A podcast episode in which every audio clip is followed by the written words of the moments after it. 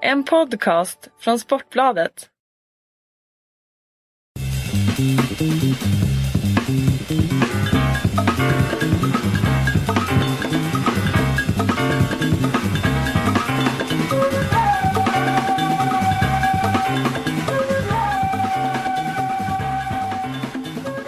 Då säger jag hej på riktigt och välkommen Gunilla Lindberg till, till den här podden.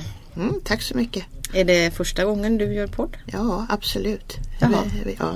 Ändå är du en av världens absolut mäktigaste personer inom idrotten. Var det plats nummer 14 du utsåg senast? ja, senast hamnade jag på nummer 14. Ja. Hur känns det? Att vara Ja, toppen det, av det är eh, ju naturligtvis makten? väldigt roligt. Ja. Och, eh, och det är väldigt roligt också att det arbete man gör eh, uppskattas. Precis. Och Gunilla, du är alltså ledamot av internationella olympiska kommittén. Du är generalsekreterare i Sveriges olympiska kommitté och eh, ledamot eh, av ANOC då, som är Association of National Olympic Committees där du jobbar mycket. Ja, jag är generalsekreterare, Eller för den generalsekreterare. organisationen. Ja. Det var bara tre, sen är det ju väldigt mycket andra uppdrag också som ligger under som vi ska komma till. Eh, Hur hinner du med allting? Eh, ja, dels är ju arbetet i sig så fantastiskt roligt så man får ju energi och tid och allt sånt här. Och sen så går det ju väldigt mycket i varann. Mm.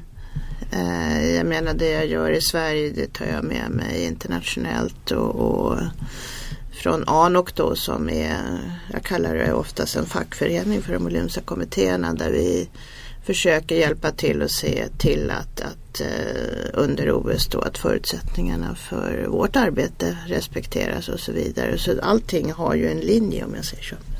Ja, så att inte när du åker ut på uppdrag så är det inte eh, bara med ett, Nej, nej, ett intresse absolut. utan eh, Nej, det är, ja. ja. Eh, om du bara berättar nu, nu är det här en fredag eftermiddag och jag lyckats fånga dig i Stockholm men, men du reser mycket. Hur ser en typisk arbetsvecka ut för dig? Ja, de senaste eh, två veckorna var jag i, jag har varit i Korea i Pyeongchang där jag leder då eh, IOCs förberedelsearbete. Eh, och haft möten med organisationskommittén och, och eh, ordföranden eh, där och haft även diskussioner då med Koreas president hur vi håller på att pusha på dem. De är lite sent ute där också. Det låter, det direkt. också, precis, det låter som att det är en återkommande fråga när det Ja. gäller att arrangera ett o- Ja, olympiskt jag mästerspel. tror att ingen förstår när man söker ett OS hur pass stort evenemanget är faktiskt. Mm. Och sen därifrån så uh, åkte jag då till Lausanne där vi har haft styrelsemöte då just i ANOC där är alla fem kontinenterna som sitter med i styrelsen. Och dagen efter så hade vi ett Europasammanträde.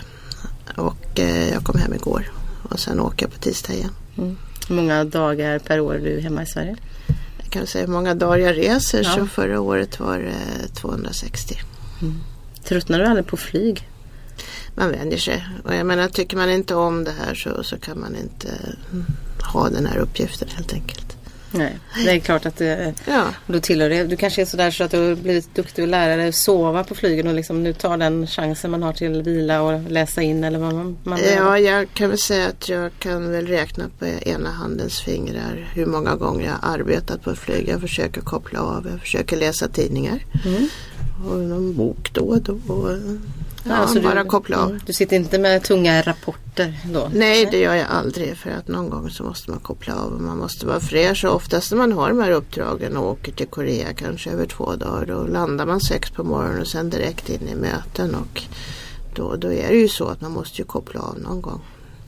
Korea då, berätta om det. Nu eh, är det, vad är vi nu, 2015, det är tre år bort. Ja, hur, hur mycket, hur långt eller hur ligger de till? Eh, om de nu alltid känner att de ligger bra till och ni känner alltid att de ligger dåligt till. Men var är de någonstans i sin förberedelse? ja nej, jag blev ju utsedd att leda det här arbetet då för fyra år sedan när de fick spelen och eh, trodde väl att det skulle vara en ganska så lätt match att gå med dem eftersom de är vana att, att arrangera stora evenemang. Men eh, det har varit problem och man har bytt eh, ordförande och man har inte eh, riktigt kan vi säga idrottskunskapen, framförallt för vinteridrott så kan de inte så mycket.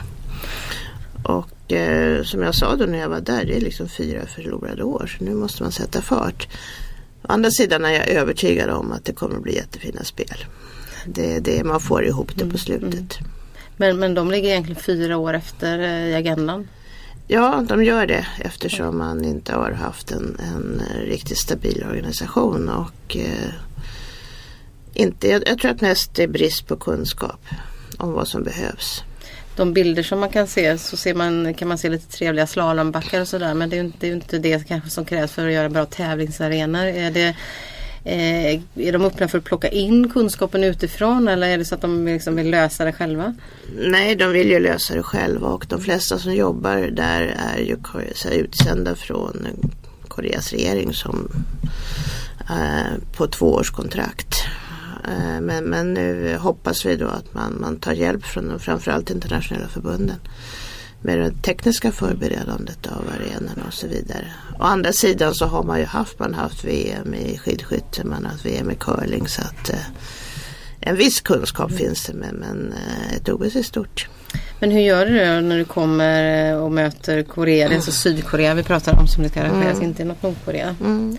Eh, men hur gör du då när du kommer där och möter nu kanske jag har fördomar men män i sin maktposition så kanske inte heller är alltid vana vid att, eh, att kvinnor har de höga positionerna. Vet inte jag, nu kanske jag har fördomar. Det kanske är tvärtom i Syd, Sydkorea att det finns mycket kvinnor i makten men Nej, det, jag menar, kvinnorna i, i mötesrummen är väl lätt räknade. Ja, nu är, har ju den stora förmånen att de har en kvinnlig president för landet. Så att, eh, ja. Mm, där har du, eh, ja. kan du, är, det är ju en ovanlig situation. Ja. Kan, kan du känna att det är, är värdefullt för ditt sätt i din roll?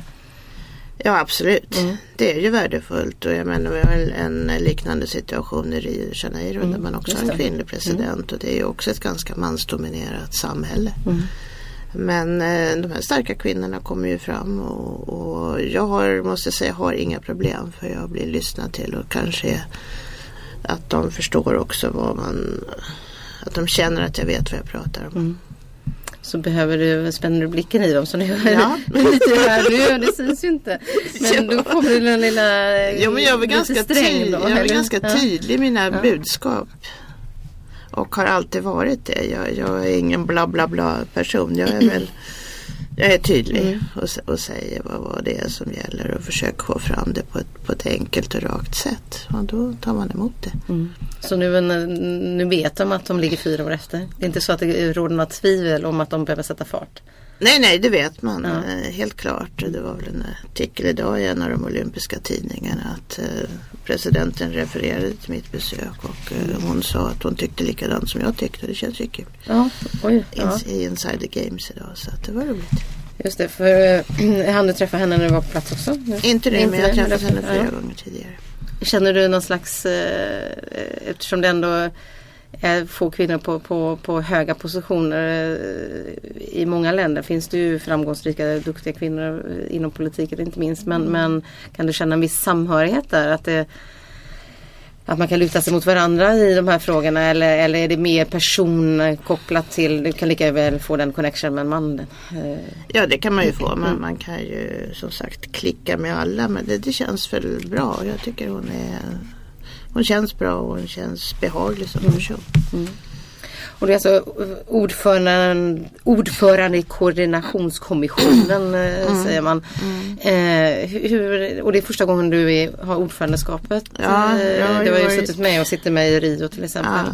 Och varit med på flera. Men... Jag sitter med i Rio, Vancouver och Turin. Och... Men det är en helt annan sak att liksom vara ytterst ansvarig mm. då. Hur mycket kan du själv påverka vinterspelen 2018 då som vi pratar om, liksom, hur, hur de ska utformas. Vad kan du komma med? Blir det någon Gunilla Lindberg-touch på dem? Eh, Nej, det kanske blir lite Gunilla Lindberg-touch på OSB gärna för det är ju min, min lilla hjärtefråga. Då. Eh, att de ska vara funktionella och att de ska vara gjorda för, för de aktiva så att det är praktiskt för dem och att med matsalar och menyer och allt sånt där vad de får att äta. För det, det är också, jag menar alla OS-arrangörer gör ju i princip det här för första gången. Man, man eh, söker ett OS och man vet ju att man ska ha tävlingar i 16 dagar men hela logistiken och hur tar man emot 22 000 journalister. Mm. Som också kräver väldigt mycket. Jag menar alla ska transporteras, alla ska bo, alla ska äta, alla ska ha bra arbetsförhållanden. Och det vet ju, höll på att säga jag själv, att det, det där är en väldigt viktig del. Jag har varit på mm. sju olympiska mästerskap mm. och, och det man nästan minns är när det har fungerat som ja. lättast. Just de här mm. kringbitarna, liksom, eh, hela logistiken. Ja. är ju extremt viktig. Det, vi fungerar ju väldigt bra just det får man ju säga i Sochi till exempel. Absolut och det här är ju det kanske är mest utmanande just för ett vinter-OS för det är ju aldrig några jättestäder så, som får ett vinter-OS. Eh, och det har ju skapat kanske lite problem att det krävs så otroligt mycket kringboende eh, och allt sånt där. Transporter och flygplats och sånt för att även arrangera ett vinter-OS. Men, men om man har 2600 eh, aktiva och 22 000 journalister då, då är kanske balansen eh, lite speciell. Eh, NBC till exempel, det amerikanska tv-bolaget hade ju fler personer på plats i Sochi än det var antalet aktiva. Det är ju egentligen helt galet. Ja det är ju egentligen mm. helt galet. Mm. Men då ser man ju också hur stort ett OS är. Det jag tänkte på när jag var i Sochi var att eh, jag gjorde längdåkning och höll mig uppe nära Laura då, den mm. anläggningen och vi bodde i byn som var nedanför. Det var att det kändes som att den var verkligen tom på invånare, alltså tom på folk. De kom söndag, sista söndag. Mm. Vet du om det var medvetet att de hade, för det sägs ju så att de ändå hade liksom fått folk att flytta ut från byn. Eh, nej, jag menar den fanns ju egentligen inte den här byn när man fick OS. Eh, det var väl den stora chocken tycker jag när man kom dit första gången. Jag menar otroligt vackert i Kaukasusbergen och allt sånt där men man hade ju ingenting. Och det var ju därför också man var ju tvungen att bygga allting. Man fick ju bygga alla vägar, alla vägtunnlar, järnvägar, eh, flygplats och så vidare. Men hela deras budskap var ju att man ville göra en vintersportort i Ryssland. Eh, det hela så att säga efterbruket. Där man, eh, för det fanns ingenting. Och eh, man byggde upp en stad från grunden helt enkelt. Det, det kändes ju även när man var där nu, ja. under, även mitt under OS, så ja. var det verkligen som om att stan inte hade funnits Nej. innan. Men jag tror faktiskt att det kändes som ändå att det fanns lite invånare som återvände typ sista mm. dagen där för mm. fem milen kände mm. vi att det började fyllas på med folk. Mm. mm. Det kanske var så att de hade inflyttningsdatum då. De skulle flytta in i de här Nej, men Jag tror inte det fanns så många som bodde där faktiskt från början utan Nej. man hoppas väl och det som byggdes var ju mest hotell och mm. turistorter och så vidare. Apropå Sochi, när vi, när vi är där så var ju du en av de som, som inte rustade på att Sochi skulle få. Eh, utan du rustade på något annat. Vet inte om det är känt vilket du rustade på. Nej det får man inte säga. Nej det får man inte säga. Det, nej, men det kan ju sippra fram. Så. Ja det kan ju sippra fram. ja, men det fanns två alternativ till.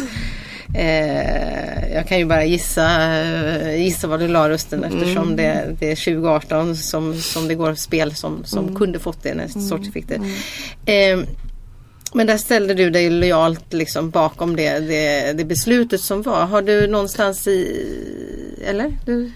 Nej men det är ju så att det är ju en omröstning. Eh, och det är ju så i, i, vad man än röstar om. Det är väl samma i Sveriges riksdag. Men röstar man och det eh, Ehm, så att säga ett beslut som, som får majoritet så ställer man sig bakom det beslutet. Men har du någonstans i efterhand med det, den utveckling som har varit i Ryssland framförallt i efterhand med eh, eh, Ukraina och eh, den politiska utvecklingen eh, ångrat att du inte, att, att, liksom att, man, att ni var tyst och liksom lät den, den omröstningen fortlöpa och att, att Sochi fick spelen? Jag menar Ukraina-frågan fanns ju inte då när vi Nej. röstade om ett OS. Det, det, var ju väldigt, det är ju sju år innan. Eh, sen så är jag ju fortfarande av den uppfattningen att eh, de olympiska spelen för samman människor och eh, jag menar det är ju många också människorättsorganisationer och media och, och med all rätt som då också tar tillfälle att påpeka eh, missförhållanden och eh, det var ju många missförhållanden som kom fram. Och jag menar nu har vi, nu har vi eh, tagit till oss det här också att man kan sätta större press på värdnationen när det gäller just eh, under OS och förberedelser för OS. Det här med arbetsförhållanden och mänskliga rättigheter och så vidare. Är det någonting som ni har tagit som lärdom efter Sochi just? Att, eh, Ja. att eh, ni kan vara lite Ja, vi kan skarpare vara, i era vi krav kan väl vara lite skarpare i våra krav. Så. Men, men vi, vi äger ju bara idrottstävlingen och vi Mm. äger ju bara det evenemang. Så det måste ju vara relaterat till det. Vi är ju inte en organisation som, som går in och tar politiska beslut. Eh, det skulle vara en hel eh, omöjlighet. Men ni äger rättighet, eller rättigheten ska man säga, men ni äger Vi äger makten. spelen. Ja, ni äger spelen Ja. men ni äger ju också på något sätt makten till vem som får spelen eftersom det är ni som Ja, gör omröstningen. Så att, Ja, eh, absolut. Där kan det ju spela in i förhand inför en omröstning hur man uppfattar att det landet ligger till just i de värderingarna det gäller. Att, att eh, skapa en miljö som, som, där man har bra arbetsförhållanden till exempel för de som ska, ska göra Mm. Och det är därför jag är väldigt glad att vi har tagit det här beslutet och att det kommer att stå i det kontrakt man skriver med världsstaden att eh, vi kommer att följa upp det här. Men Berätta- sen så, jag menar de, de eh, olympiska rörelsen består av 205 länder. Mm. Och eh, så länge det, ett land inte är sanktionerat från FN så länge man har politiskt utbyte, handelsutbyte, kulturellt utbyte så har vi också idrottsutbyte med alla de länderna. Ja, det är där IOK gör den, eh, Ja. så att säga, drar sin gräns. Så inga sanktioner mot ett land och då, då är det okej. Men finns det sanktioner mot ett land då, Ja, precis. då har ni en naturlig brytpunkt också ja, i så fall. Ja. Mm. Vi följer ju samhället i övrigt. Eh, men det är intressant ändå för, för eh, att där har ni ändå från den debatten som var har ni ändå dragit en lärdom om att eh, här kan vi vara eh, skarpare i framtiden för att vara med och påverka det vi kan i, i Ja, nu hade vi de här diskussionerna innan Sochi. Och eh, så att säga, när Thomas Bach då tillträdde som ordförande så var ju ett av hans eh, valbudskap då att vi, vi måste se över hela vår organisation. Och vi gjorde ju en brainstorming då i, i december 2013. Där alla fick eh, lämna förslag och, och det här hade jag väl ganska högt på min agenda att man under perioden att vi måste bli bättre på att se till att, att när det gäller ett OS och, och så att säga förutsättningarna för hur eh, dels hur, hur uppbyggandet av arenorna är men dels också eh, med miljön. Mm. Men där har ni ändå tidigare också haft Ja. ganska liksom, tydliga riktlinjer. Ja, vi har tydliga riktlinjer och eh, vi samarbetar ju också med FN-organen Mm. för så att vi gör väldigt mycket, absolut. Men, men vi kan inte ändra ett lands lagar och vi kan inte bli en politisk organisation. Vad fick dig att ändå känna att den frågan var viktig för dig att driva i, i- det sammanhanget? Var det rapporter från just Sochi som, som du kände att du tog till dig? Och, Nej men det är väl rapporter överhuvudtaget. Jag tycker vi ska vara en organisation som ser till att ett, har vi ett evenemang så, så ska det vara ett bra evenemang för alla. Och det, jag menar ett OS ger ju också en, en stora möjligheter för en världsstad med många nya arbetstillfällen och man får turister på besök och också öppnar ju ett samhälle. Det måste jag säga och det säger jag även i, när det gäller OS i Peking. Eh, för första gången kanske så och under OS så har man då fri rapporteringsrätt. Det är ju ett av kraven vi har. Mm det Eh, var väl lite tveksamheter inledningsvis där? Var det inte så att det var lite eh, begränsningar för oss journalister? ja men, det lyckades vi ju. Det tog Mm. 24 timmar tror jag. Så, sen så sa vi liksom ni måste ju öppna upp och det, det, ju, det står ju i kontraktet man Mm. har. Så, så det är ju positivt. Och jag tror ingenting så, som kan jämföras med ett olympiskt spel just det här med, med uppmärksamheten från hela världen.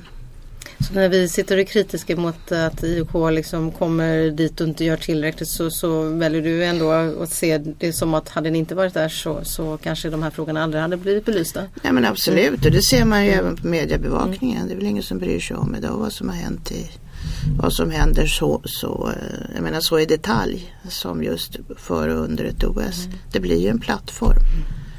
Är vi för, vi säger jag media, tar vi för litet ansvar efteråt? Eh, ja, det är ju upp till er så att säga, men det är ju alltid före ett Mm. OS. Och eh, jag säger det är ju bra. Man får ju uppmärksamhet och jag menar det här är ju en fråga som är oerhört viktig för politiker. Jag menar de är tillsatta för att se till att eh, världen, att det blir en bättre värld och jag tycker att olympiska rörelsen vi skapar en bättre värld genom idrotten. Och ny president Thomas Bach från Tyskland eh, sedan 2013 då. Eh, Det som du beskrev här lite innan det var ju en, en liten brainstorming som ni hade. Var det i eh, styrelsen? Ja, Ja. i styrelsen vi samlades en hel vecka då och pratade framtid och eh, vad vi kunde göra och jag menar nu är det ju, det har kommit 40 olika förslag. Men Berätta lite om den liksom, processen fram där från, från era styrelsemöte till att eh, det landar i ett liksom Ja, det, bör, det börjar, agenda, det börjar agenda med, 2020 heter ja, det precis. Det börjar med då att styrelsen fick eh, lämna förslag inför mötet om hur vi såg på olika saker och eh, OS framtid och eh, arrangörs... Eh, jag menar, vi har ju haft problem med att eh, det är städer som har anmält sitt intresse men på grund av kostnader och andra saker så drar man tillbaka sin, sin kandidatur. Och vad kunde vi göra åt det? Eh, olympiska programmet i framtiden, hur ska det utformas? Eh, hur ser eh, byggandet av arenor, kan man använda det befintliga som finns fast inte just ligger i OS-staden?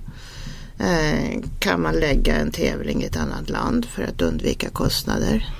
Hur arbetar vi med miljön? Hur arbetar vi med andra organisationer som eh, FN, Unesco, Världsbanken? Hur arbetar vi överhuvudtaget för att eh, se till att, att alla våra 205 eh, medlemsländer eh, får tillfälle att, för ungdomen också i de här länderna, att man får tillfälle att utöva idrott. Mm. Vi eh, har ju också ungdomsspel och, och eh, jag menar nu är jag väldigt glad, jag tror att det var igår eller förrgår, när Thomas Bach då eh, uttryckte, han var eh, att eh, till exempel Saudiarabien, får inte kvinnorna i Saudiarabien möjlighet att utöva idrott så kan de lägga ner att, att, att söka ett OS. Och det tycker Ja. jag det är starka. Det var ju väldigt Ja. konkret. Så Han, och det har jag riktat mot dem tydligt. Att, eh, Ja. har, har de haft några ansökningar nu? Nej men alla pratar Ja. ju om Mm. ansökningar Mm. och eh, att det är ett av kriterierna då att man måste se till att kvinnorna i det landet har möjlighet att utöva idrott. Ja, annars är det ingen idé att komma hit och tro att ni Nej. ska få några spel. Nej. Nej. Och just sådana saker tycker jag känns väldigt bra. Mm. Vi fick ju även in då i olympiska agendan det här med att under OS ingen diskriminering och eh, eh, tog även med då med, med sexuell eh, inriktning skrev vi till. Ja. Hur, och- det ingår alltså i det kontraktet som man skriver som Ja, arrangör. Om man nu, ska få, om man nu får ett eh, olympiskt spel så är det, själv, det är själva kontraktet. ja. mm. hur, hur ser den det är ju mot de som kommer dit och tävlar. Mm. Och under OS-perioden och i den staden så, så har vi ju så att säga ingen ska på grund av ras eller kulturell bakgrund eller Sexuell läggning. sexuell. Mm. läggning hindras att tävla. Var det en lärdom från Sochi också? För den fanns Det, inte det med. var, nej, det var en lärdom från Sochi. Mm. Så Sochi-spelen har gett det liksom två väldigt konkreta delar. Dels Ja. att man ställer högre krav på hur man hanterar eh, arbetsförhållandena Mm. för de som är med och bygger Mm, upp. Eh, och eh, att eh, få med sexuell läggning. Varför har inte det funnits Mm. med innan? I, Ja, det har ju stått men inte så tydligt. nej. Det har stått att man inte kan diskrimineras på grund av kön eller eh, som jag säger bakgrund och så vidare. Men inte, inte så tydligt med sexuell läggning. Vad tror du Putin säger om den skrivelsen? Ja, det bryr jag mig inte så mycket om. Jag tycker det är oerhört positivt att vi, vi, vi försöker att se till att eh, hela världen kan komma till ett OS så att alla har samma möjlighet att idrotta. Tror du att eh, Ryssland hade skrivit på och, och liksom eh, gått med på det om det hade stått från början? Det vet jag inte. Jag menar det är historia egentligen. Men, men, det här gäller ju som sagt. Vi kan aldrig gå in i ett lands egna lagar när det gäller eh, whatever. Men mm. vi kan se till att under vårt evenemang så är det de här reglerna som gäller. Mm. Och det här Agenda 2020 då, eh, nu har ni nämnt några viktiga punkter här som, mm. som har kommit fram. Eh, mm. Men det bara regnat in förslag från, från alla håll och kanter, ja, efter vårt möte då i, i eh, december 2013 så hade vi den olympiska sessionen där vi träffades eh, innan OS i Sochi. Och sen så gick vi ut eh, över hela världen med att eh, alla kunde skicka in förslag. Och det var även över sociala medier. Vi fick in över 40 000 olika förslag. Oj, så en riktig Facebook-kampanj? Ja, mm. precis. Och sen så efter alla förslag har kommit in så tillsatte då Thomas Bach 14 olika arbetsgrupper för att titta på allt det här. Och i de arbetsgrupperna så var det ju inte bara personer från eh, idrottsrörelsen utan vi hade även från människorättsorganisationer, från fackföreningar, från, eh, från Google, från eh, Världsbanken, från eh, FN, från eh, ja, alla stora egentligen eh, organisationer i, i samhället i stort. Om vi tittar då på 2020 här då. När, när tror du att eh, liksom det här arbetet eh, verkligen ger avkall och liksom speglar av sig på, på verksamheten som är. För kontrakten till exempel som är skrivna med de som arrangerar 20 eller för sig 18 nu, eller 16 först i Rio, mm. i Rio då, eller i Brasilien och sen så har vi eh, Pyeongchang. Pyeongchang, jag måste lära säga det. Man får inte säga fel säger Nej, Nej du får inte säga Pyongyang för det är Nordkorea. Pyeongchang. det tror jag många säger. Ja, Pyong, och, och många tror att det är Nordkorea men det är Pyeongchang ja. i Sydkorea. Och det är väl en väldigt viktig distinktion att göra. Absolut. Ja. Det, det, finns ingen risk där för oroligheter mellan nord och syd eller? Nej, hittills inte. Hittills inte, nej. Eh, men är det då inför 2022? Nej, vi har faktiskt redan börjat. Eh, Eller kan ni implementera det här ja. redan i de här? Ja. Ah, okay. Så det, kan man... det var, jag menar, den, den här agendan tog sig då i början på november när vi hade en extra session. Och omedelbart efter det, vi föreslog faktiskt eh, koreanerna på plats när vi hade beslutat om eh, Agenda 2020 att om de eh, ville spara kostnader då att bygga en till exempel en bob och rodelbana som kostar otroligt mycket. Att man kunde använda en annan bana som till och med inte låg i Korea. Nu var det, blev det lite problem då i och med att närmaste bana låg i Japan och kanske förhållanden mellan Sydkorea och Japan var väl inte de lättaste. Och man sa att man ville, man valde. Men jag menar hade de velat själva så hade man kunnat gjort sådana saker. I Tokyo eh, har man redan eh, lagt vissa arenor då som man hade planerat att bygga så kommer man att använda befintliga arenor. Och i Pyeongchang då så diskuterar vi ju nu med att man eh, ska inte kosta på allt för mycket för att göra det tjusigt och nya arenor som kommer att stå där som vita elefanter utan man, man kan göra också arenor som man plockar ner efteråt. Aha. Så länge det är tekniskt möjligt och blir bra tävlingsförhållanden mm. så, så är det ju bra. Finns det sådana befintliga arenor som hopfällbara arenor som man kan flytta på det? Man kan flytta hockeyrinkar och skridskoovaler och allt sånt här. Mm. Det är väl lite svårt i dagens läge kanske att flytta en bob och rodelbana mm. men det kommer säkert mm. i framtiden.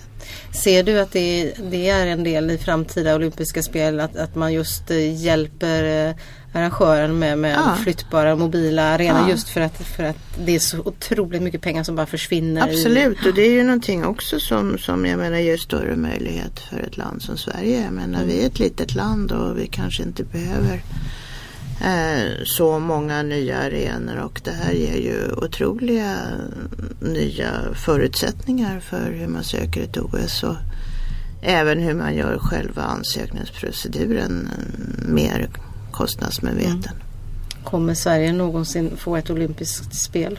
Ja det hoppas jag ju. Mm. Det, det, jag är fortfarande besviken över att vi drog tillbaka vår ansökan för 2022.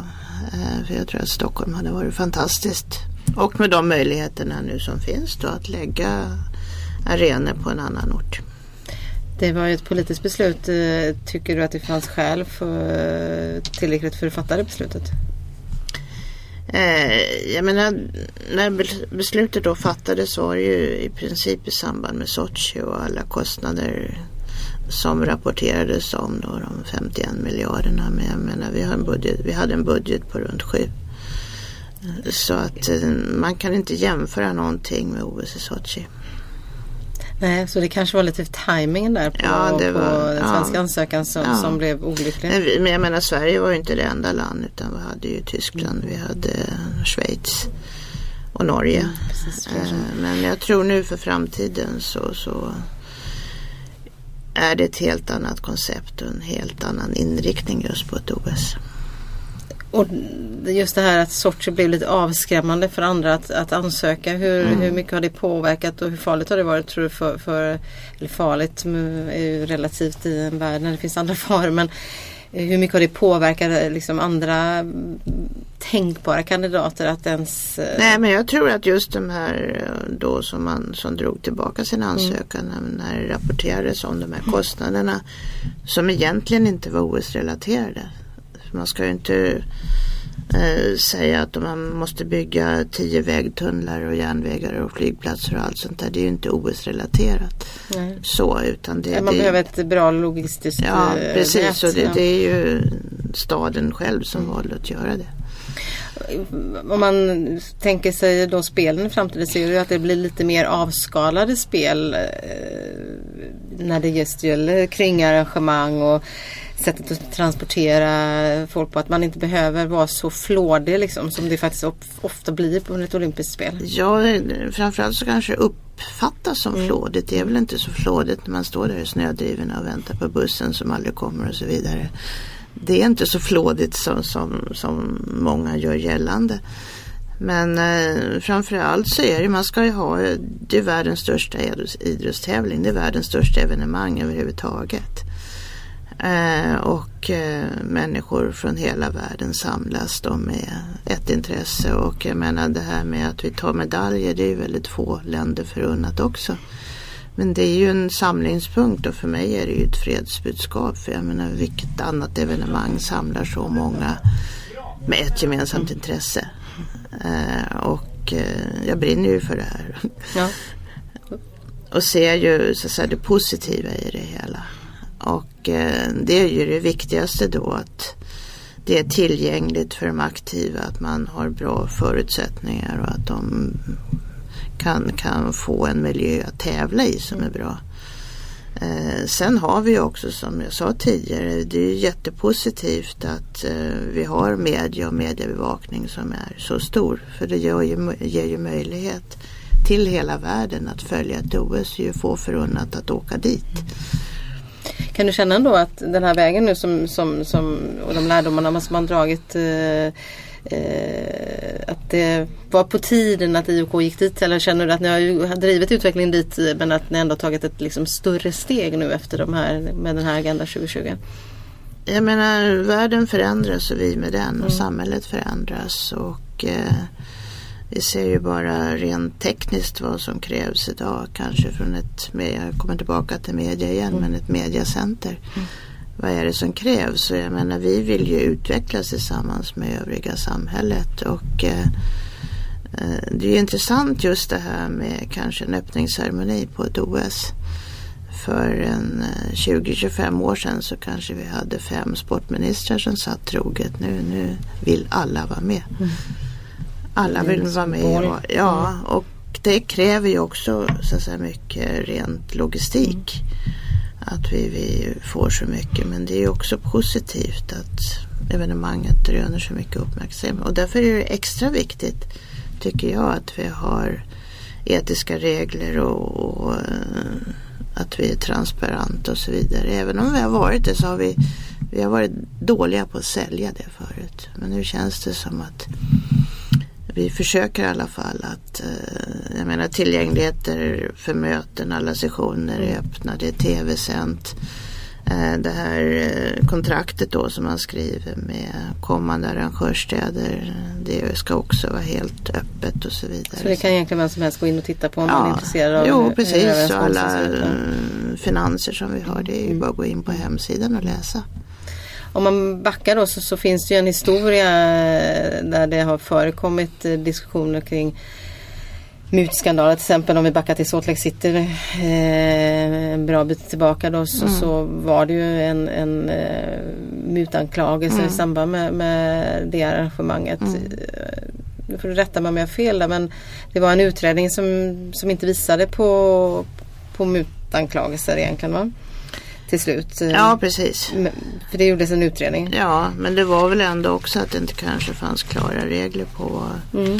vad en eh, ansökningsstad kunde göra eller inte göra. Nej. Men då tog vi också, då hade vi ju ett extra, en extra session då 99 när det här och det var ju också en tillfällighet att ändra väldigt mycket. Eh, så det började ju då men, men jag menar 99 är ju 15 år sedan så att nu känns det ju också som att man bygger vidare på det här och eh, ser eh, värdet av eh, också att kunna förmedla det här budskapet vad ett OS är och det fantastiska evenemanget är trots allt. Men, men eh, om regelverket var lite som man öppnade för att det fanns utrymme då. Är det så man ska se det som? Att det fann, ja. eh, hur ser du på dagens regelverk? Finns det liksom öppningar för att eh, att eh, kandidaturer eller kandidatstäder kan eh, erbjuda er delegater som ska rösta eh, mutor? Nej absolut inte och jag menar det kom väl aldrig fram att det var någon direkt som hade fått mutor och pengar i handen. Det var ju mer att man eh, hade erbjudit, jag vet inte, det var kanske barn till någon av ledamöterna som hade fått en eh, universitetsplats. Jag menar sånt där får ju absolut inte förekomma men efter det så är det ju absolut glasklart att man inte kan ta emot någonting och man, de kan inte ge någonting och så vidare. Och jag menar vi kanske är den enda organisationen i hela samhället som har så pass tydliga regler. Mm. Vad säger reglerna då? Att ni, Reglerna, jag menar för det första så eh, förbjöd man ju eh, tidigare så kunde ledamöterna då besöka staden. Och det kanske är bra om man ska rösta på någonting men det förbjöds ju. Eh, inga besök från kandidatstäder heller i hemländer till IOK-ledamöter och inga gåvor och inga... Man måste alltså rapportera om man är i sitt privata liv. Om jag måste åka till eh, Peking idag Mm. som är en ansökningsstad så måste jag rapportera det till den etiska Du kommissionen. sticker inte iväg på någon slags eh, familjesemester dit Nej, utan det rapporterar in. Det är lite som Nej. WADA där, som Ja. doping va? Ja. måste ha koll på så du inte Ja. åker dit och dop, Ja, dopar dig. så där har du en rapporteringsplikt Mm. om du åker som privatperson. Ja. Och det är ju många, jag menar det är ju ingen IOK-ledamot, det är ju inget arbete så, det är ju ett frivilligt Mm. arbete, man sitter i en styrelse. Eh, så många har väl affärskontakter som de måste göra Mm. men det måste rapporteras så att man finns där. Har du blivit erbjuden muta någon gång? Nej, aldrig någonsin. Aldrig någonsin? Aldrig Är någonsin. du förvånad över att du inte har blivit det? Nej, jag läser så mycket om mutor men som sagt jag har aldrig någonsin blivit erbjuden att muta. Nej. Och inte någon form av tjänst eller Nej. eh, som du skulle kunna uppfatta? Att, Nej, eh, som du har- nej, nej. Har du tvingats ställas inför eh, valet själv där? Är det okej att gå med på den här middagen? Är det, för gåvor är ju inte helt ovanligt utomlands att man. Nej, finns och, det är ju, och i många länder är det en tradition. Mm. Eller det är ju en gest Mm. mot någon som besöker Mm. en att man får en, någon liten gåva. Men eh, det är vi noga med och får man någonting så oftast som inte går att undvika, ibland går det inte att undvika Nej. det, så lämnar man det till det olympiska museet i Lausanne. Det är ju vad IOK-presidenten gör alltid. Så om du är i Sydkorea till exempel, nu har ju de ju sitt men, men det kan ju Mm. finnas skäl att ligga bra till hos ordföranden där. eh, om du, eh, har, du har, har de gett dig gåvor på något sätt som du känner att du inte har kunnat Nej. säga nej till? Ja, nej. nej. Nej. Har, du, har du någon gång fått något sånt där som du, där du känner att ah, men det här för att inte det ska bli fel så, så, får, så tar jag emot den men, men skänker den då till Nej, faktiskt inte för alla är så väl medvetna om reglerna och man riskerar inte något sånt längre. Nej. Och den tiden känner du, var det efter 99? Är det liksom gamla Ja, det är ju då. Det, är ju då och, eh, och det kanske började, det var ju i princip då som som eh, det blev intressant att arrangera OS. mm, Jag menar fram till eh, jag tror OS 84 så hade man inte ens några som sökte ett OS utan det var man gav Mm. spelen igen till Los Angeles. Men sen efter det när man öppnade upp för eh, marknadsföring för tv-rättigheter när det kom pengar in så öppnade det ju upp för intresset för, för andra att vara med och det här blev ju någon slags tävling mellan de som sökte. Och vad man kunde göra och inte göra och, och, då kanske man togs på sängen inom IOK. Jag vet inte, jag var inte med då men att vi inte hade regler egentligen för någonting. just det. Och sen har man tvingats skapa det. Ja, Hur mycket har en sån som Jacques Rogge betytt där? Liksom, eh, ja det han var arbetet? ju oerhört viktig och även Samaranch. Jag menar de nya reglerna kom ju till under Samaranchs tid. Mm. Men sen då Så han ska inte bara kastas eh, lite, lite Nej. smuts baklänges på? Nej, han, han tog ju verkligen tag i det här.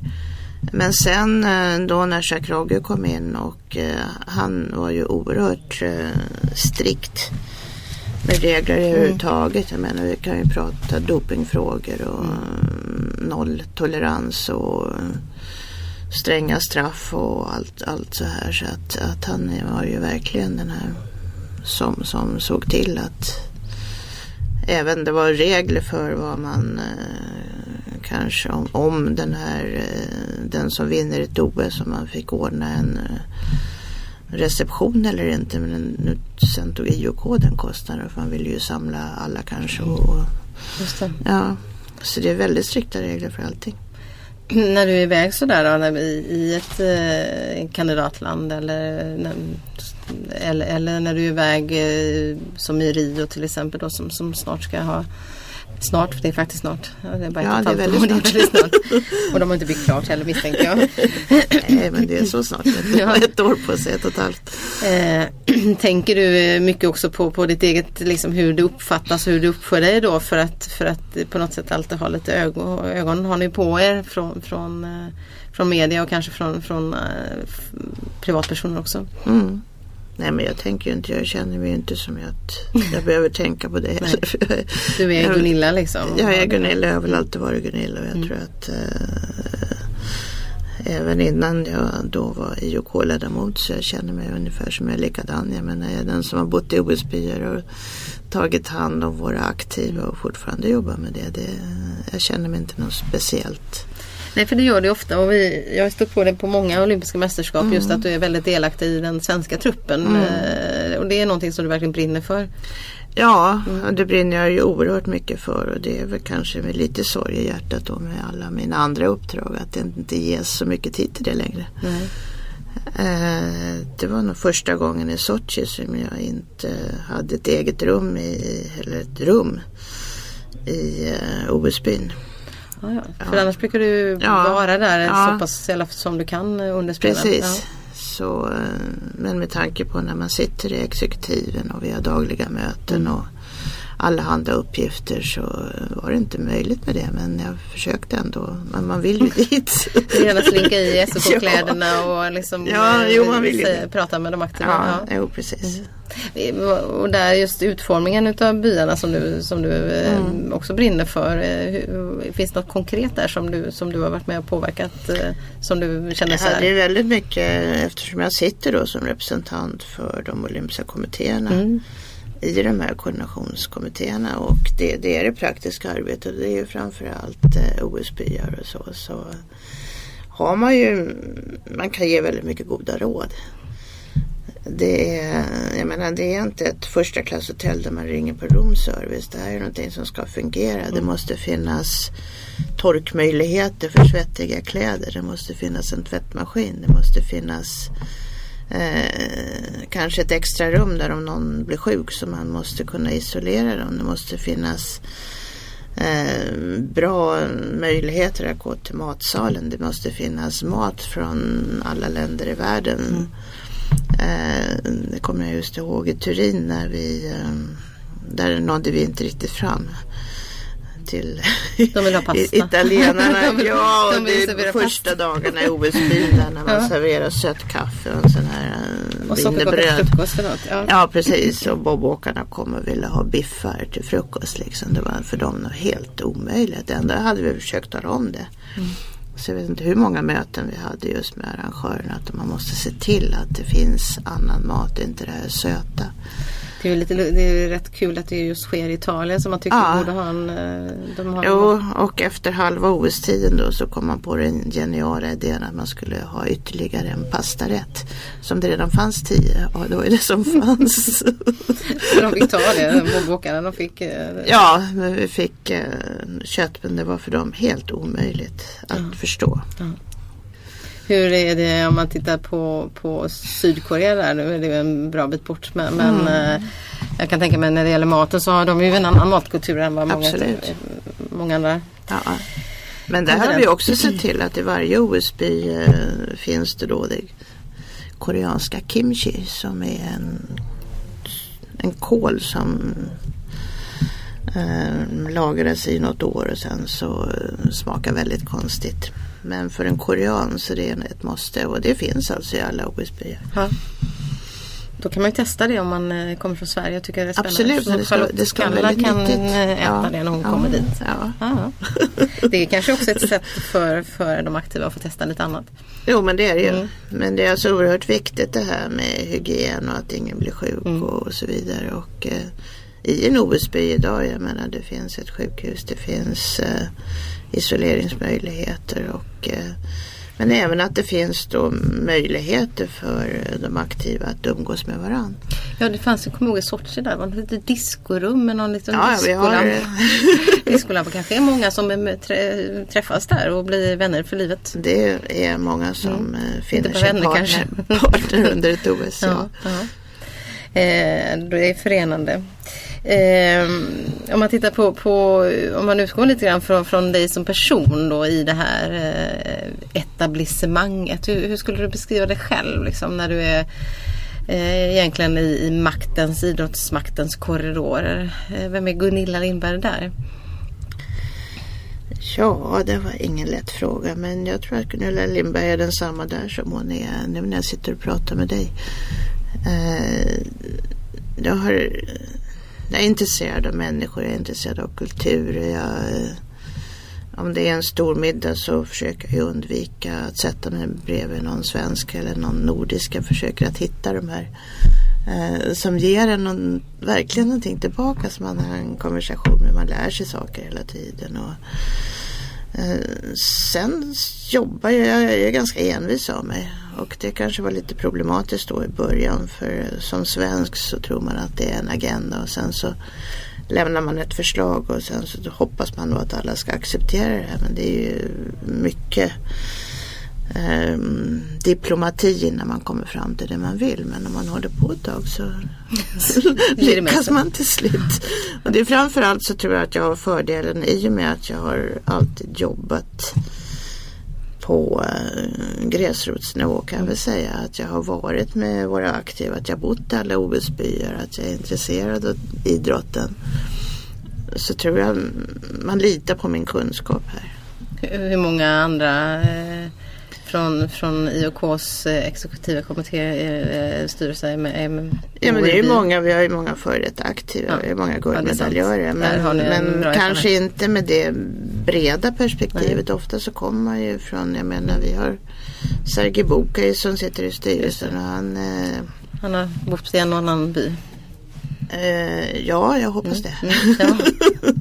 Jo, det har han väl gjort. Jag har inte koll på. Han har bott i och för sig. Ja, han har gjort det men jag menar han är ju en, en framstående idrottsman och allt sånt där. Men han kanske kan väldigt mycket om friidrott. Men jag känner ju ändå att man har ett brett, bred kunskap om både vinter och sommaridrott. Och det är det fantastiska med den positionen jag har. Och man, man, man upplever man följer oftast de aktiva, det var ju mera så förr. Men man ser dem hur de, eh, vi jobbar ju väldigt mycket så inom SOK.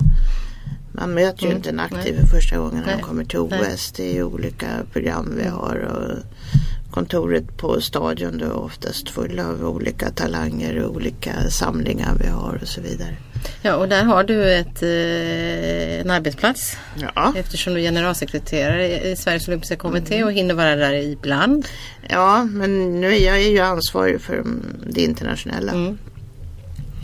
Så att eh, ja, jag hinner vara där ibland men, men det innebär ju inte att jag inte jobbar för den internationella, svensk idrott internationellt utan det är ju en förmån att man så att säga i och med att man är i, många organisationskommittéer och man har nära relationer med varandra så är det ju lätt att pusha på att vi får alla våra akkrediteringar vi vill för media eller att vi får den platsen i OS-byn som vi vill ha och så vidare så att det, det är ju bra.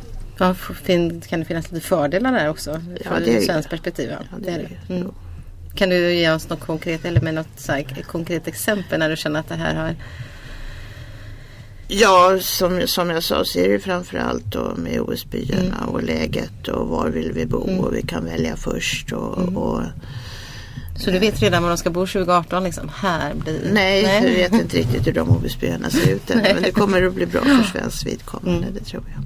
Och du kan paxa lite bra delar Nej, men av... man ser ju vad som är bra i och med att man, man så säga, följer eh, hela uppbyggnaden av ett OS under sju år så är det ju är det ju bra. Och sen så, jag menar inom Olympiska kommittén i Sverige så jobbar vi ju oerhört mycket med förberedelser. Vi ser ju till att eh, alla aktiva ska ha varit på den kommande OS-orten. Vi har ju vallaexperter som testar snön. Nu har vi faktiskt nu i typ Pyeongchang. Oj, redan? Ja, Oj. och det såg vi ju vad det betydde under OS i Sochi med alla framgångarna.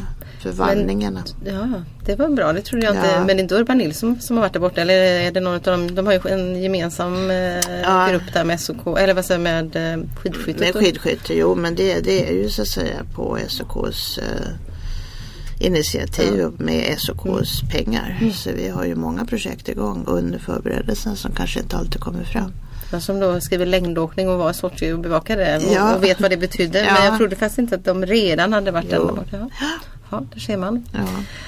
Eh, om man vi pratade lite innan vi kom här, lite så här, utanför protokollet om, om vårat eh, Sportbladets kontor här ute och, och då sa du ja, men jag kommer med min matlåda till, till eh, våra lokaler där uppe också. Eh, men, men det är också mycket stora middagar som du är på givetvis för Ja. det ingår i ditt, Ja, eh, det är ju, jag menar, det är ju hela registret. Det är ju från matlådan på arbetet som vi sitter. Vi har en mikrovågsugn där som det, det är jättebra att kunna ta med sig mat till då middag med, med presidenter kanske. Mm, presidenter och kungligheter mm, kanske också emellanåt. Ja, emellanåt ja. Eh, Det här att föra sig, Gunilla vid en middag, har du med dig det i din uppfostran? Är det någonting du fått lära dig? För det är ju också sådär, kan ju uppfatta, kan ju vara belastande om man inte är van, om man inte känner sig naturlig och avslappnad i det. Alltså äta rätt och äta etikett och den biten. Ja, jag tror de flesta känner sig lika osäkra när man har fem gafflar och fem knivar, vad är det man tar och så vidare. Man sneglar på grannen. Men är det någonting som du från början, eller hur upplevde du det från början? Ja, men jag tycker inte det är en stor sak. Nej. Jag har väl en uppfostran när man har lärt sig att äta med kniv och gaffel. Det, det är ju så det är. Mm. Alltså nu börjar jag bli bra på pinnar också. Ja, Efter att ha tillbringat Ja. så mycket tid Ja. i Korea. Då får man ta seden dit man kommer. Ja, absolut. Ja.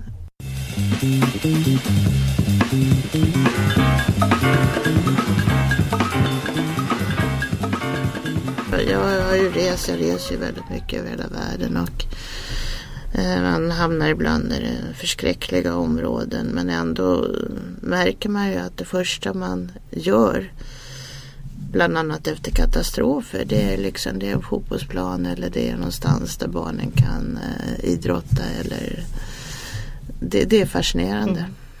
Vad är det svåraste där eh, som du har mött när du har varit utomlands eh, på dina resor? Som, som, finns det saker som har påverkat dig rent personligt? Ja, jag måste säga när jag var i Kenya för en tiotal år sedan. Vi hade en miljökonferens i Kenya.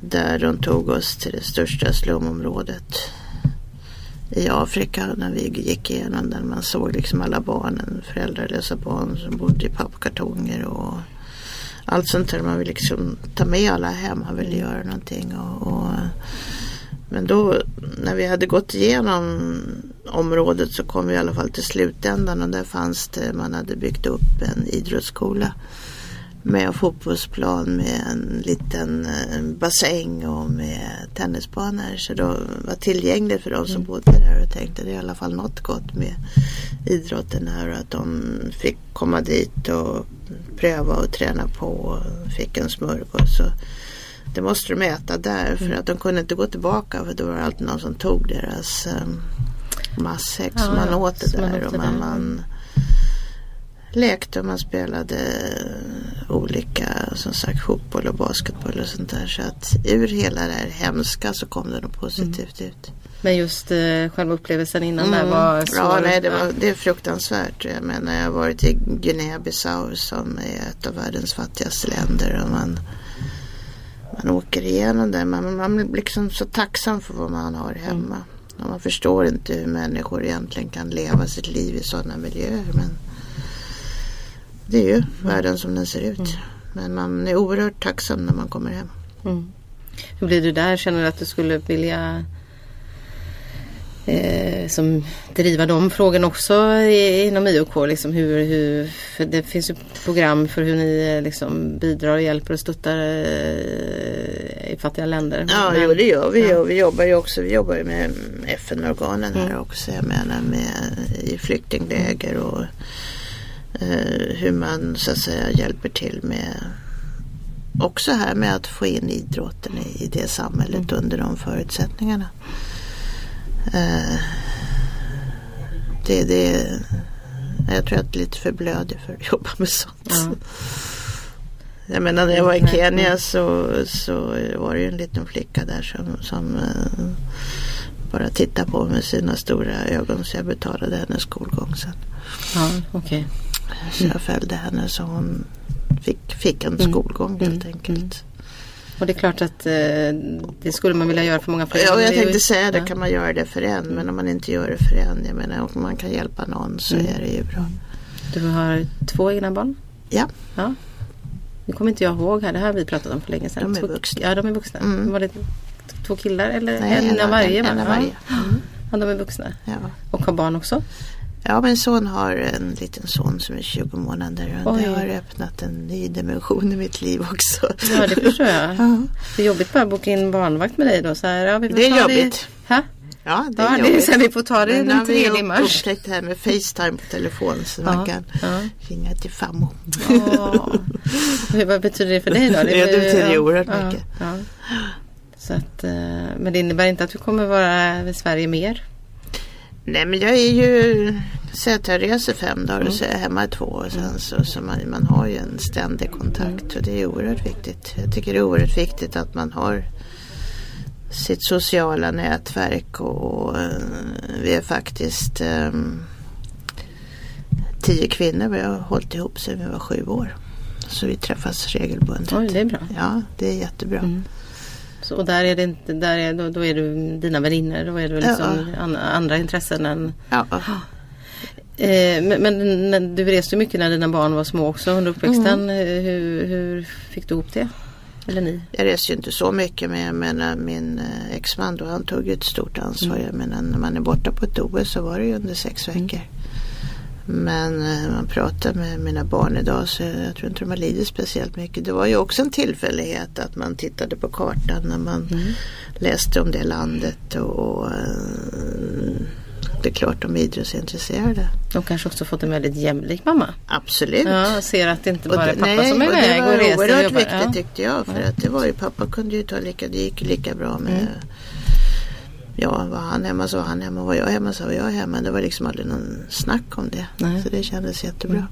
Så brukar jag tänka när jag är borta Mm. på OS. Det, det, jag tycker det är främst andra kvinnor som, som eh, bekymrar sig väldigt mycket.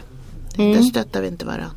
Nej, Nej, där skickar vi dåligt samvete ja, ibland. absolut. Ja. Jag skickar väldigt dåligt samvete. Ja. Har du stå, eh, känt dig själv att, du Ja. har fått, ja, att du inte är en tillräckligt bra mamma? Eller varit Ja, ja, ja, att- ja, det vet jag när min dotter var liten. Hon var två år och jag skulle åka på ett OS och var borta då i sex veckor. Och då var det väl Ja, det var flera stycken som sa åt mig att hon kommer absolut inte att känna igen det när hon kommer hem. Så hur kan du göra så här? Det skulle jag aldrig kunna göra. Mm. Och det första hon gjorde var hon låg och sov när jag kom hem. Kom ihåg, och tittade upp och sa mamma. Så hon kände igen det Då, ja, då rann tårarna Ja, på mig. Ja, ja. precis. Så det var, Men kan du känna det i samhället stort att vi, liksom, att vi kvinnor är för dåliga på att stötta varandra Ja. i, i liksom, de här positionerna när man har jobb som kräver mycket resor Ja. till exempel? tycker jag absolut.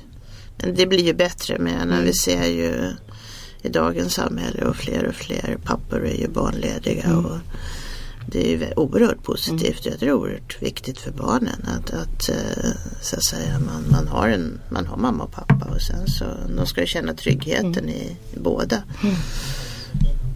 Det kanske, det, som du säger, det säkert förändras mycket men jag tror fortfarande att det kan finnas lite en, Mm. Ja. sån, som, alltså, en del kvar att jobba på på den fronten. Ja, och, och det är lite tragiskt det här med att, så att säga, kvinnor att vi är väldigt måna om att påpeka för andra att eh, jag vet inte, kanske har man sjuka. Det kan det ju vara. Mm. Och eh, att man inte, och att man inte var, man tycker att det ska vara på ett, Mm. på ett visst sätt. Ja. Har du känt avundsjuka överhuvudtaget när det gäller liksom din position och så från andra kvinnor eller eh, Nej, men jag tror att, att rent generellt så eh, är vi kvinnor avundsjuka på varandra. Det är väl från uppväxten också. Det är okej så länge man är på samma nivå.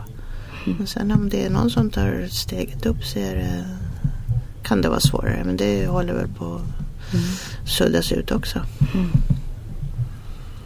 Ja, det är intressant. Vi kanske mm, kan bli bättre på att stötta varandra till Mm. framgång där. Mm. Eh, istället för att se varandra som hot. Ja. Ja.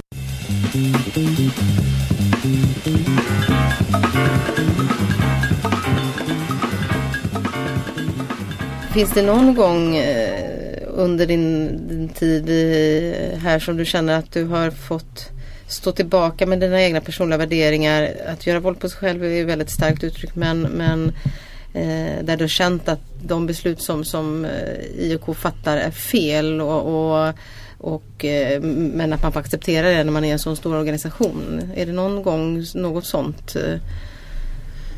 Nej men det, det är som jag sa när man, man är i en, en världsorganisation. Eh, och vi, jag menar vi röstar om saker. Och eh, även om det kanske inte är min favorit som vinner så, så står man ju bakom ett beslut. Ehm, Och då liksom är du så lojal så då, då Ja. kör du på det. Det är inte så att du ställer upp och säger sen "Nej, men måste jag kan-" också säga att jag står för min uppfattning och, och jag, jag tror på idrotten Mm. och jag tror att, att de olympiska spelen för med sig någonting gott. Mm. Och jag har sett att det gör det. Och då måste jag få ha min Mm. uppfattning och inte bli betraktad som någon samhällsförrädare för att eh, jag inte tycker som ibland andra. Nej. Sen ett starkt. Ja. Kan du känna ibland att du liksom hamnat Ja, ibland så Ja. hamnar man i Mm. en negativ spiral som rent blir attackerad personligen kanske. Mm. Har det yttrat sig eh, mer än verbalt i media och sånt där? Ja, det blir ju alltid så att jag menar om det är ett negativt program så blir man ju så att säga attackerad personligen. Det är ju mer och mer också med sociala medier.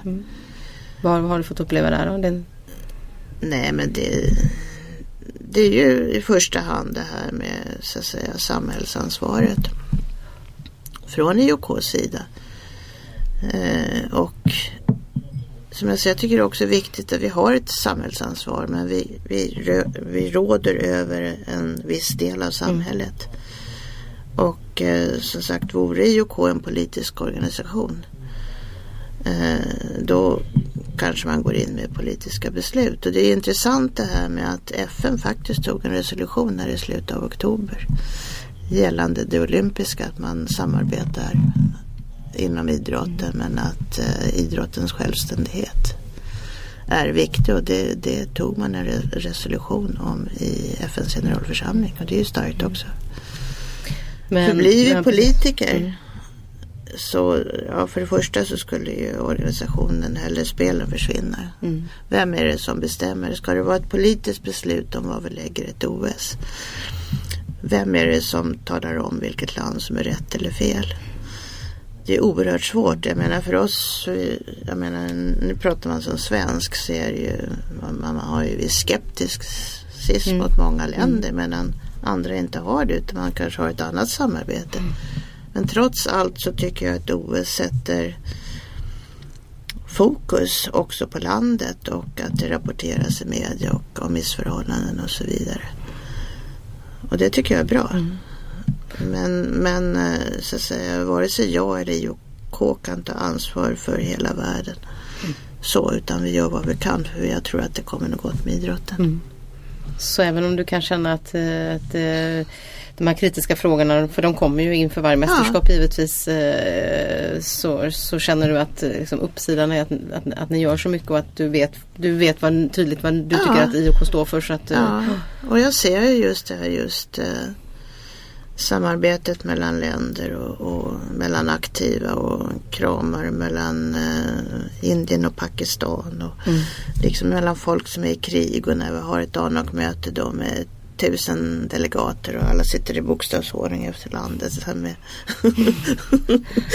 Jag menar, man blir alldeles um, frälst då mm. och ser vad idrotten kan göra. Mm. Och där om man ändå tittar på IOKs utveckling då så har ni ändå tagit till mm. kan man väl säga mm. en, utav delar av kritiken ja. som, har, som varit inte minst då i Sochi. Så att, ja, eh, absolut. Det, Sochi blev på ett sätt också ett lärorikt ja. mästerskap för IOK. Ja, absolut. I många aspekter. Ja. Eh, och sen kommer säkert dyka upp en andra frågor då som, som eh, Nej men absolut. Men känner du ändå att IOK är så pass alltså, en ren organisation som, som eh, ställer de krav på de värdländers eh, i den utsträckning som ni kan nu? Utan att ja, in... jag menar nu med, med alla, nu har vi ju allting på papper och mm. vi ställer de krav vi kan mm. med tanke på vilken organisation mm. vi är. Mm. Det är helt klart men jag menar jag tycker också kanske samhället ska ställa större krav på eh, våra politiker, på handelsutbyte, på kulturellt utbyte. Varför är det fel att ha en idrottstävling när man kan ha hur mycket annat utbyte som helst? Mm. Det känns inte riktigt rättvist. Nej, utan då är det idrotten mm. som får ta ja. liksom... Eh, ja, idrotten och de aktiva ska mm. på något mm. sätt vara budbärare mm. för politiska budskap och det, det, tycker jag är helt fel. Eh, de aktiva får lov att uttala sig om, om ja. eh, de politiska eh, förutsättningar eller orättvisor eller vad det kan vara i det landet som arrangeras. Men, men det får inte finnas någon form av eh, politiska religiösa budskap på, inne på arenan. Det är där ni drar gränsen så att ja. säga. Varför är det viktigt att ha en frizon där inne? Ja, annars skulle ju så att säga det bli helt ohållbart. Mm. Du, du skulle få religiösa budskap, du får politiska budskap, du får ja, alla möjliga budskap. Mm. Så att eh, det vore väldigt konstigt tror jag om man tillät Men eh, utanför så får de aktiva egentligen eh, ja, säga vad de vill? De får säga vad de vill och de får välja att inte säga någonting mm. heller. Mm. Man behöver man inte höga, säga Nej precis, ställer man för höga krav. Ja. För ofta vill man ju att de aktiva tar ställning till eh, till exempel ska det arrangeras i Ryssland. Vad ja. tycker du om Rysslands antigrejer och lagar? Och jag tror att det är väldigt få som förstår när man är en aktiv eh, på elitidrottsnivå man håller fokus på vad man gör och det är ju fokus på tävling. Mm. Och man ska göra sin livs viktigaste tävling man är på ett OS. Att man så att säga, förväntas att föra fram politiska budskap. Känns inte mm. riktigt rättvist. Och en del kanske känner att de vill ta chansen men en del vill absolut slippa ja. och känna att de inte alls är pålästa. Nej, och jag menar de som vill får ju absolut mm. göra det och vill man inte mm. så ska ju det, det är det som är demokrati. Mm. Emma Gren gjorde det med sina naglar även om hon eh, kanske mer tänkte att det var en kärleksmanifestation. Ja. Men det fick ju ganska stort gensvar. Det kan ju få väldigt stort gensvar. Kanske det större gensvar, än, eh, genomslag större än vad de ja. aktiva kanske själva tänker ibland. Ja. Mm.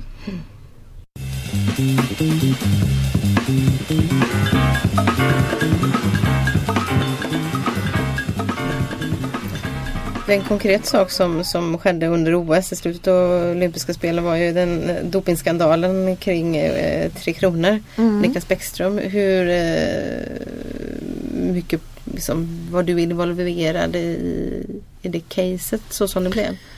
Jag var ju inte eftersom jag är svensk så jag hade ju varit Mm. involverad i de tidigare casen. Och så var jag inte involverad i det utan man, man, man har en jury eller en disciplinär kommission som man, man utses till. Eh, och eh, det hade man också för Niklas Bäckström. Mm.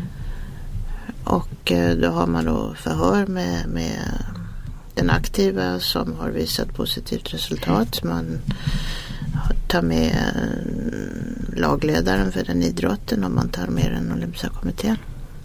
Men där föregick inga påtryckningar från svenskt håll och svenskt hockeyhåll på att ni som ändå sitter i Nej, som kan uppfattas som nära beslutet även om man inte då är involverad i det. Det fanns inga påtryckningar därifrån. Nej men jag menar det var ju svart på vitt. ju. Det var ju helt Svårt klart. att Det var, det var svårt att Svårt att göra någonting till. annat. Ja precis.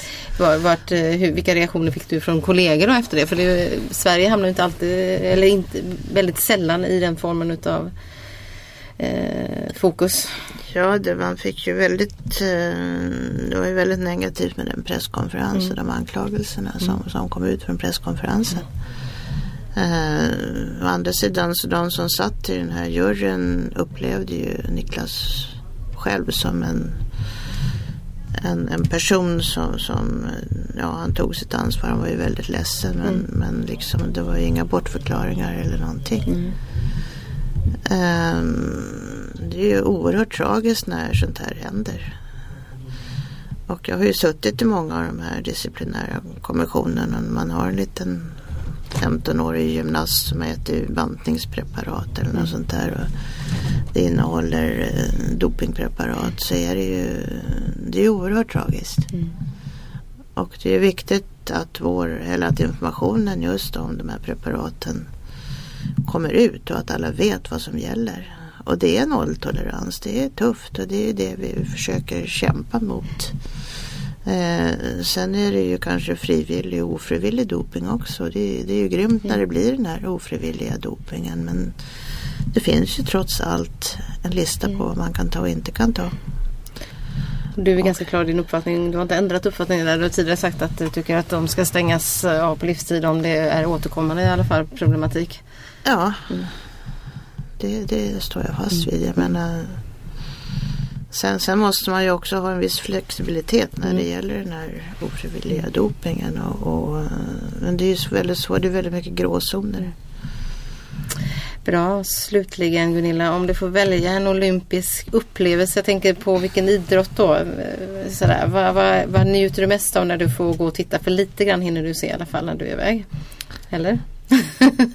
Ja, jag njöt ju oerhört måste jag ju säga av eh, damstafetten i Sochi.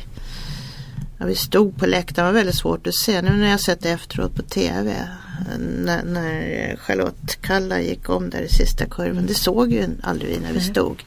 Men ni stod nästan bredvid, nästan vid målgång där. Ja, vi stod vid Mm. målgången och liksom det var väl eh, helt klart att det här skulle inte gå. Och sen helt plötsligt så den där, man ser det alldeles på Uppland men hon har gått om och hon kommer fram. Och, och då blir man ju, det var nog helt otroligt måste jag säga. Att få vara med om det och få vara med om alla svenska framgångar. Och sen spelar det egentligen ingen roll vilken idrott det är. Jag, jag njuter av idrott i stort. Och eh, det mesta är roligt att titta på, jag måste säga det. Men stafettguldet det var en, liksom, en Ja, upplevelse. upplevelsen i. Sochi var, den var ju, sen den kom ju sådär, liksom hela, hela loppet var ju helt otroligt egentligen. Och sen att man, nej det här går ju inte. Och sen man såg och tog in sekund för sekund. Och, och sen när man inte såg som sagt kurvan eller upploppet och, tro, upploppet och trodde att det var kört. Och sen se, och så glädjen och glädjen bland de aktiva. Och, nej, det var helt otroligt. Putin var ju där på läktaren. Jag kommer inte ihåg om han var där på damstafetten. Han var där definitivt på herrstafetten. Han du träffa honom eh, under dina dagar där också? Jag träffade honom flera gånger innan OS. Ja. Han var ju väldigt engagerad i förberedelserna. Ja, det var han ju. Han är ju, han är ju väldigt idrottsintresserad. Mm. Jag kan säga, jag har väl ingen närmare kontakt med Putin men jag har träffat honom några gånger. Ja. Men då har ni, och efteråt har ni inte haft mycket kontakt? Nej, absolut inte. Nej, kanske man inte har. Vi såg honom också. Han var ju uppe på flera sk- utav mm. eh, längdtävlingarna. Mm. Men, men, intresset eh, för idrott eh, det, det fanns där men mm. då pratar man idrott och pratar man inte så mycket politik. Nej. Nej. Ja, men det är liksom det man inte chansen. gör och det, det nej. kanske är det också som man, jag menar det är fortfarande så, så arrangerar vi en idrottstävling och eh, det politiska överlämnar vi mm. till våra politiker. Även om man blir så här, man får lite lust att säga något att ni kanske borde, nej, får du, du får inte bita dig tungan någon gång. man ändå har honom till bordet eller i närheten att man får lust ja, att säga att vi kanske lätt. borde För det första har jag väl aldrig haft honom nej. till bordet och för det andra så sker allting via tolkar när det var mm. med Putin. Mm. Bra, eh, men då kan vi vara trygga med, med att eh, Gunilla Lindberg fortsätter och, och eh, arbetar inom eh, IOK och SOK en bra bit framöver och det blir spel de här kommande åren också. Ja det blir spel och som sagt jag, jag, allt jag gör är faktiskt för att jag, jag har alltid de aktivas bästa. Mm. Och för att tävlingarna ska bli bra. Och sen, sen, som jag sa så är idrotten någonting, ett fantastiskt redskap för att eh, ha kontakt mellan människor. Och det positiva i, i människors kraft. Det låter vi avrunda den här eh, långa diskussionen. Jätteintressant att lyssna till dig. Tack för att du ville komma hit och vara med. Tack så mycket. Mm.